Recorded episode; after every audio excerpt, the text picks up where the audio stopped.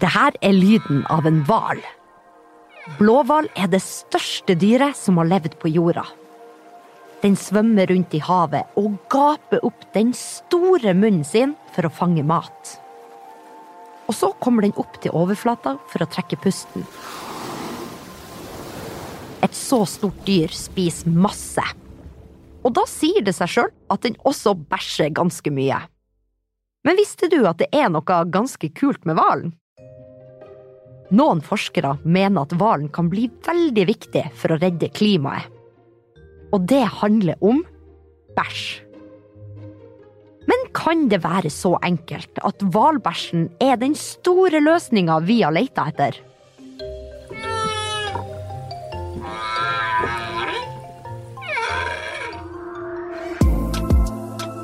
Du hører på Forklart junior. Jeg heter Ragnhild Thelise Christoffersen. Hvalen er jo faktisk verdens største dyr. og Det er, verdens, eh, altså det, er det største dyret som eh, noen gang har levd på jorda. Altså det er blåhvalen. Det lever fortsatt nå eh, i dag. Det var større enn dinosaurene. Det her er Audun Rikardsen. Han er professor på Universitetet i Tromsø, og han er også naturfotograf. Jeg har tatt ganske mange bilder av hval også. Jeg har svømt i lag med dem, både under vann og over vann. Jeg har klappa dem. Så jeg har tatt ganske mye bilder og vært ganske nært hvalene, og også laga ei bok om hval. Den aller største av hvalene, blåhvalen, er like stor som en buss. Og kan veie godt over 100 tonn. Det er sånn 100 elefanter, det. For å skjønne hvorfor dette kjempedyret kan være viktig for klimaet, må vi vite mer om hvordan den lever. I det området hvalen lever i, finnes det også mange andre dyr og planter som lever sammen med hvalen. Dette kaller forskere et økosystem. Et økosystem er på en måte et, et område kan du si, i havet eller, eh, hvor, hvor liksom alt hører sammen at alle artene, alle dyreartene, hører sammen og er avhengig av hverandre. Vi mennesker er også en del av et økosystem, der vi er avhengig av at vi får mat, at været ikke blir for vått, for kaldt eller for varmt, og ødelegger der vi bor, eller plantene og dyrene vi spiser. Og sånn er det for hvalen også. Den må ha maten sin, så den kan leve videre. Et så stort dyr må spise masse, masse, masse. Vi deler gjerne mellom to typer hvaler. Og det er de som vi kaller tannhvaler, som har tenner. Sånn som spekkhogger, spermhval og, og, delfiner og sånne ting. De spiser gjerne fisk og litt forskjellige ting. De kan også spise sel, og de kan spise mange forskjellige ting. Og så har vi bardehval. De har ikke tenner, men de har noe som heter et filter. De kan ta veldig mye i munnen på en gang, og så, og så, og så skviser de ut vannet, og så svelger de det som er igjen. Det er som når vi koker spagetti eller poteter, og så vil vi bli kvitt alt vannet. Da bruker vi kanskje ei sil. Da vil alt vannet bli borte, og maten blir igjen i sila. Bardehvalene spiser mest fisk, planteplankton og dyreplankton. Planteplankton er rett og slett bitte, bitte små planter som man bare kan se gjennom et mikroskop. Dyreplankton er også veldig små, men er dyr og ikke planter. Som eksempel krepsedyr. Det kalles også for zooplankton. Den aller, aller minste planteplankton blir spist av zooplankton. Og den igjen blir spist av fisk. Og hvalen eller fugl kan spise fisk igjen. Det er det her som kalles en næringskjede. I fisk og planter så er det mye næring og næringsstoffer. Altså ting som andre dyr og mennesker trenger for å vokse og bli stor. Næringsstoffer finnes i mat. Uten mat vil det som lever, dø. Når hvalen spiser fisk og plankton, så får den i seg masse næringsstoffer. Og mye av det kommer ut i bæsjen igjen. Men hvorfor er egentlig dette viktig for å vite hvordan hvalen og hvalbæsjen kan være med å løse klimaproblemene? Vel, har du hørt om fotosyntese? Det har absolutt ingenting med å ta bilder å gjøre, men det handler om planter. Når vi puster inn, så puster vi inn oksygen.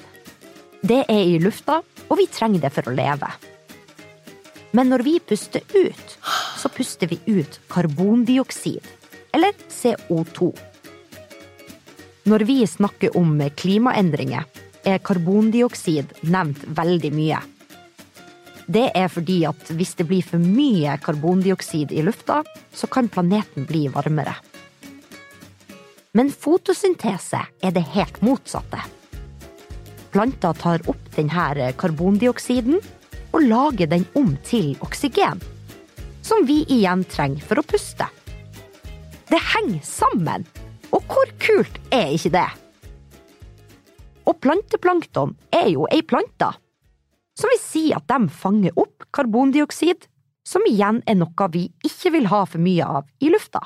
Og, eh, og hvalen, eh, eh, når den eh, bæsjer, så eh, så, så bæsjer han ut en del stoffer som er viktige for de mindre dyrene i, i et sånt her økosystem. Altså plankton, planteplankton, små planter som lever, svever rundt i, i, havet.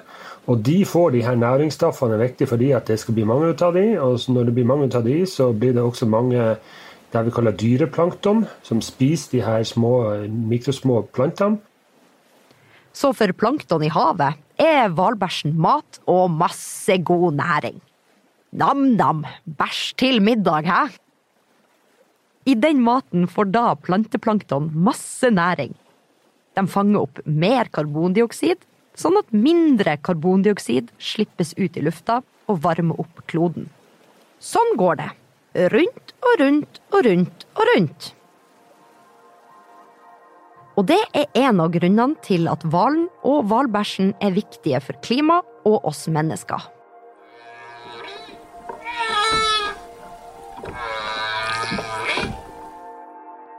Men jeg tenker vi stopper ikke her. For hvalen kan hjelpe klimaet på en måte til.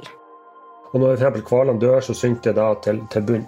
Så det er veldig viktig. Og hvis vi har veldig mye hval, Eh, og veldig mye fisk i havet, så vil vi også de eh, forbruke mer av denne karbondioksiden. Inne i hvalen er det nemlig masse karbon igjen etter alt den har spist, som har inneholdt karbondioksid. Så når hvalen synker ned og ligger på bunnen, vil denne karbonen være borte fra lufta. Og det her høres jo kjempeflott ut. Men det er ikke alle som syns det er så stort og forskerne er uenige om flere ting. Noen tror at det har veldig, veldig stor betydning med hval. Andre tror at ja, hval har også betydning, men vi må også ikke glemme at det har også stor betydning med fiskebæsj og andre typer bæsjer i eh, dyrehavet, som også gir som næringsstoffer. Flere mener at det ikke bare hjelper å fylle havet med masse, masse hval. Blir det for mange, kan jo hele økosystemet rase sammen og ikke redde noe som helst av klimaet. Hvis vi skal klare å gjøre det, så er bare det en del av en, en brikke i et større puslespill som vi må alle hjelpe til med for å få ned eh, det her karbondioksidet. Det kan vi mennesker gjøre med f.eks. å ta færre flyturer, kjøre mindre diesel- og bensinbil. Og i Norge er det olje og gass som står for de største utslippene av karbondioksid. Vi må være flinkere til å gjøre ting, og vi må være flinkere å, å beskytte naturen, sånn at naturen også kan hjelpe oss å redusere karbondioksidet. Da kan vi løse eh, klimautfordringen. Er det noe som du har lyst til å lære mer om? Det vil jeg veldig, veldig gjerne vite, og det kan du sende til meg på en e-post til rtk alfakrøll aftenposten.no. Du har hørt på Forklart junior. Jeg heter Ragnhild Thelise Christoffersen. Episoden er produsert i samarbeid med Filt Oslo, og produsent er Regine Døsen Christoffersen. Og Mari Midtstigen er ansvarlig redaktør. Vi høres neste uke.